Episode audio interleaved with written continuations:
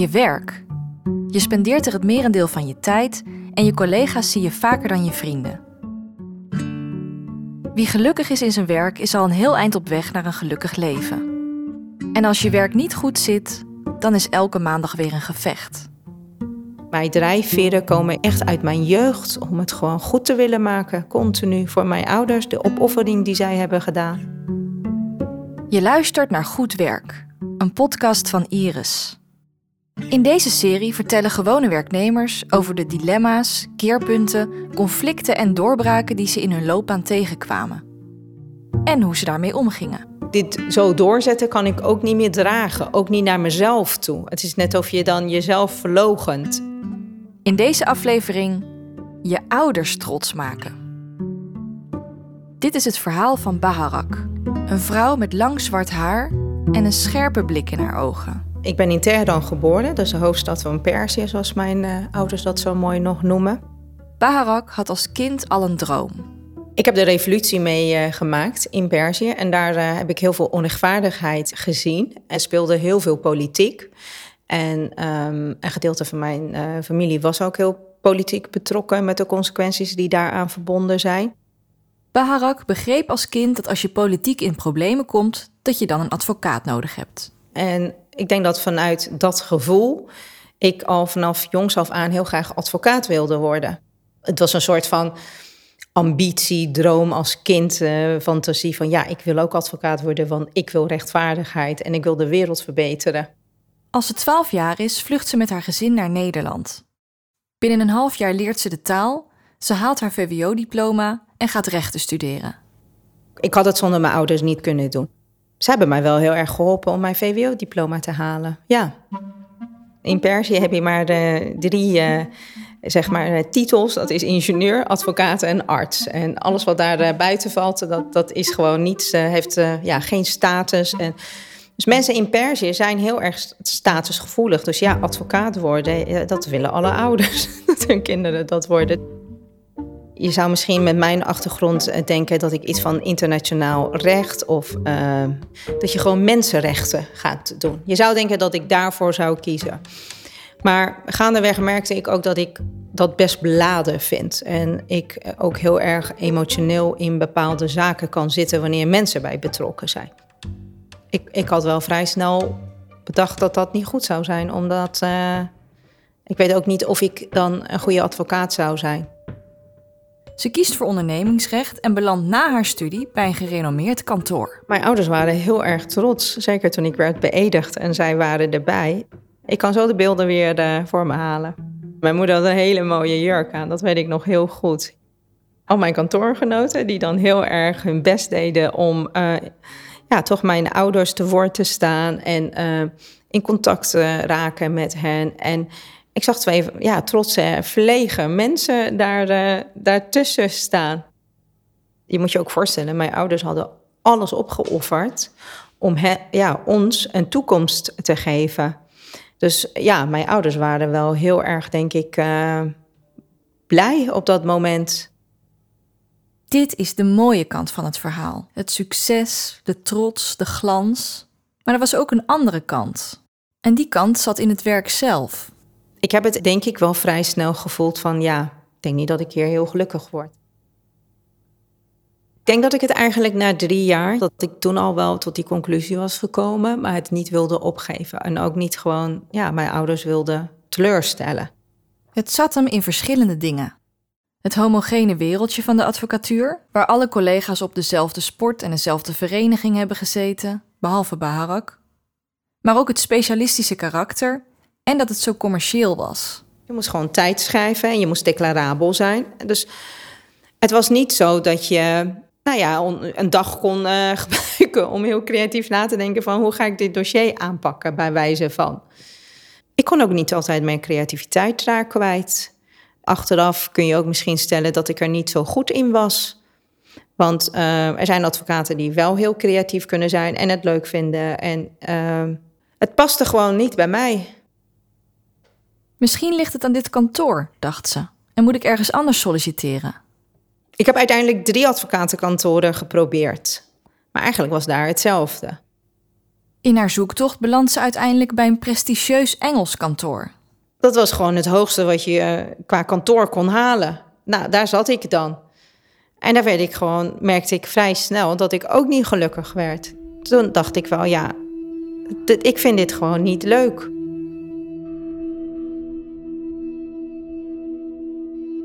De wens om haar ouders trots te maken was altijd een reden om te blijven. Niet omdat het gezegd werd. Ze hebben nooit tegen mij gezegd van je moet per se zus en zo. Maar omdat het offer van haar ouders elke dag voelbaar was.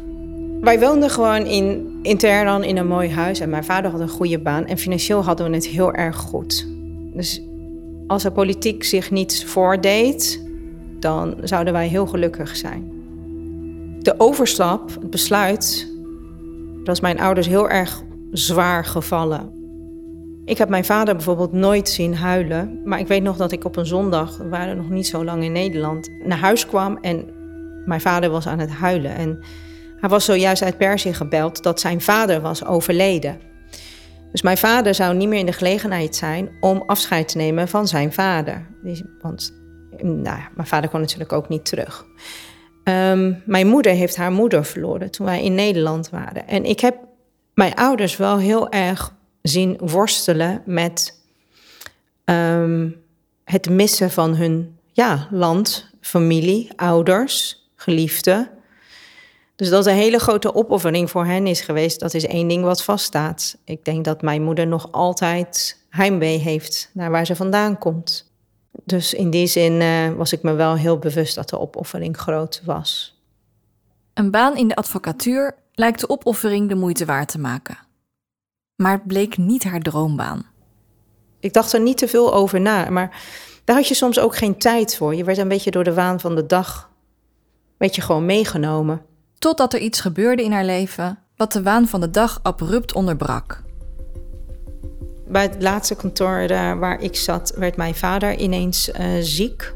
En um, mijn vader moest in een nacht een zesvoudige bijpas. En dat was best heftig, vond ik. Ik was toen 30. Ik dacht, nou, ik ben al sinds mijn twaalfde in Nederland. Ik ben nu 30. Wat heb ik nou die 18 jaar lang gedaan? Dat was alleen maar heel hard werken om bepaald ja, toch doel te bereiken stiekem ook wel zodat mijn ouders trots op me zouden kunnen zijn. En dacht ik, nou, als mijn vader nu overlijdt, heb ik mijn vader best weinig gezien. En maakt dat nou mij gelukkig?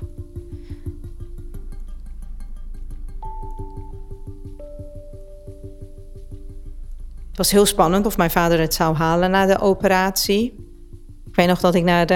Mijn vader lag in Breda in het ziekenhuis terugreed. En toen dacht ik, ja, ik ga het gewoon doen. Ik ben nu 30, ik moet nu gewoon zelfstandig besluiten nemen. Ik ga gewoon opzeggen.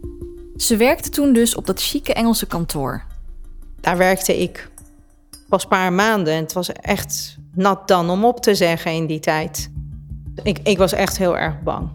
Van wat een heftig besluit en ik heb ook geen andere baan. Maar ik dacht bij mezelf, ja, ik kan, ik kan ook dit zo doorzetten, kan ik ook niet meer dragen. Ook niet naar mezelf toe. Het is net of je dan jezelf verlogent. De volgende ochtend zou ze het gaan vertellen. Daar heb ik echt wel een hele slechte nacht van gehad. Van hoe ga ik het zeggen? Ik ben naar kantoor gegaan. Terwijl ik eigenlijk uh, een paar dagen vrijgesteld was omdat mijn vader ziek was. Maar ik, ik, ik wilde natuurlijk niet met me dragen, continu het besluit. Dus ik ben naar kantoor gegaan en ik heb het gewoon uh, meegedeeld, ja. Het is dan april en om zichzelf wat tijd te geven zegt ze op per september. best, ik was best zenuwachtig, maar ik heb het gewoon, uh, ik heb het gewoon gezegd. Ja. Haar baas zegt... Dat is onacceptabel en heb je 1 september dan een baan? Ik zeg, nou dat zie ik dan weer wel.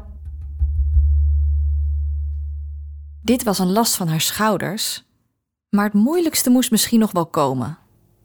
Ik kon het mijn vader sowieso niet uh, vertellen, want die was net geopereerd. En dan zou hij nog een bijpas bij wijze van nodig hebben. Ik heb het wel aan mijn moeder verteld van... joh, maar ik heb gewoon opgezegd tegen 1 september. En toen, uh, zij was helemaal... Uh, ja, zij was best ja, verontwaardigd, verbaasd, uh, teleurgesteld. Zei, hoe kon je dat nou doen? Dit is toch wat je wilde? Toen zei ik tegen haar, nee, dit is helemaal niet wat ik wil. Toen zei ze, wat wil je dan wel? Ik zeg, ja, dat weet ik ook niet. Dat ga ik nu uitzoeken. Daarom heb ik gezegd 1 september. dan kijk ik wel. Als je haar nu opbelt, dan zegt ze altijd nog dat dit uh, de meest stomme besluit van mij ooit is geweest. Want ja, hoe kun je dat nou doen? Maar de reactie van haar vader verraste haar. De bijpasoperatie had ook best wel veel met mijn vader gedaan. In die zin dat ik vond dat mijn vader na de operatie veel zachter was geworden. En ik heb daarna een keer een heel lang gesprek met mijn vader gehad. En hij zei ook tegen mij van... Wij vinden het zonde van je talenten. Maar je kunt ook stellen dat we hier naartoe zijn gekomen... zodat jij als vrouw zelfstandig besluiten kan nemen. Als jij denkt dat dit een juiste besluit is dan is dat zo. Dan vind ik het heel fijn dat je eigenlijk zelfstandig dat kunt doen in Nederland. Want ja, daar zijn we uiteindelijk voor gevlucht. Zo kun je er ook naar kijken. Na het besluit om te stoppen in de advocatuur gaat Barak op onderzoek naar haar eigen drijfveren. En wat ik heel erg merkte is dat ik het nog altijd vrij lang, ook na mijn dertigste, alles met mijn ouders besprak en stiekem hun goedkeuring wilde. Dat heb ik heel veel jaren gedaan. Ik denk echt tot mijn veertigste. Het gevaar wat daarin schuilt is dat je gewoon een leven lang een leven kunt leiden wellicht. Wat niet jouw keuze is of wat jou per se gelukkig maakt. Barak gaat eerst werken als ambtenaar bij het ministerie van Financiën. Een baan die volgens haar moeder niet veel status heeft, maar die ze zelf interessant en uitdagend vindt. Later belandt ze in de bankenwereld. Met elke keuze die ze zelf maakt, traint ze het kompas van haar eigen drijfveren. En op mijn veertigste heb ik weer zo'n breekpunt gehad, is dat ik wilde scheiden privé. En daar steunde ze mij ook niet in. Daar was ik echt een jaar in verder hoor, want dit is mijn keuze, ik sta erachter. Toen dacht ik wel, oh ja, ik heb echt veel meer nu geleerd. Nou, om voor mezelf gewoon de keuze te maken. Van wat vind ik van iets? Ja, ik ben er wel heel erg trots op, want ik overleg niks meer met mijn ouders. En uh, ik, ik neem ze niet. Ik, ik heb nog, nog altijd een hele goede band met ze, maar in de besluitvorming neem ik ze niet meer in mee. Ik, ik deel het mee. Dit is het. Zo ga ik het doen. Punt.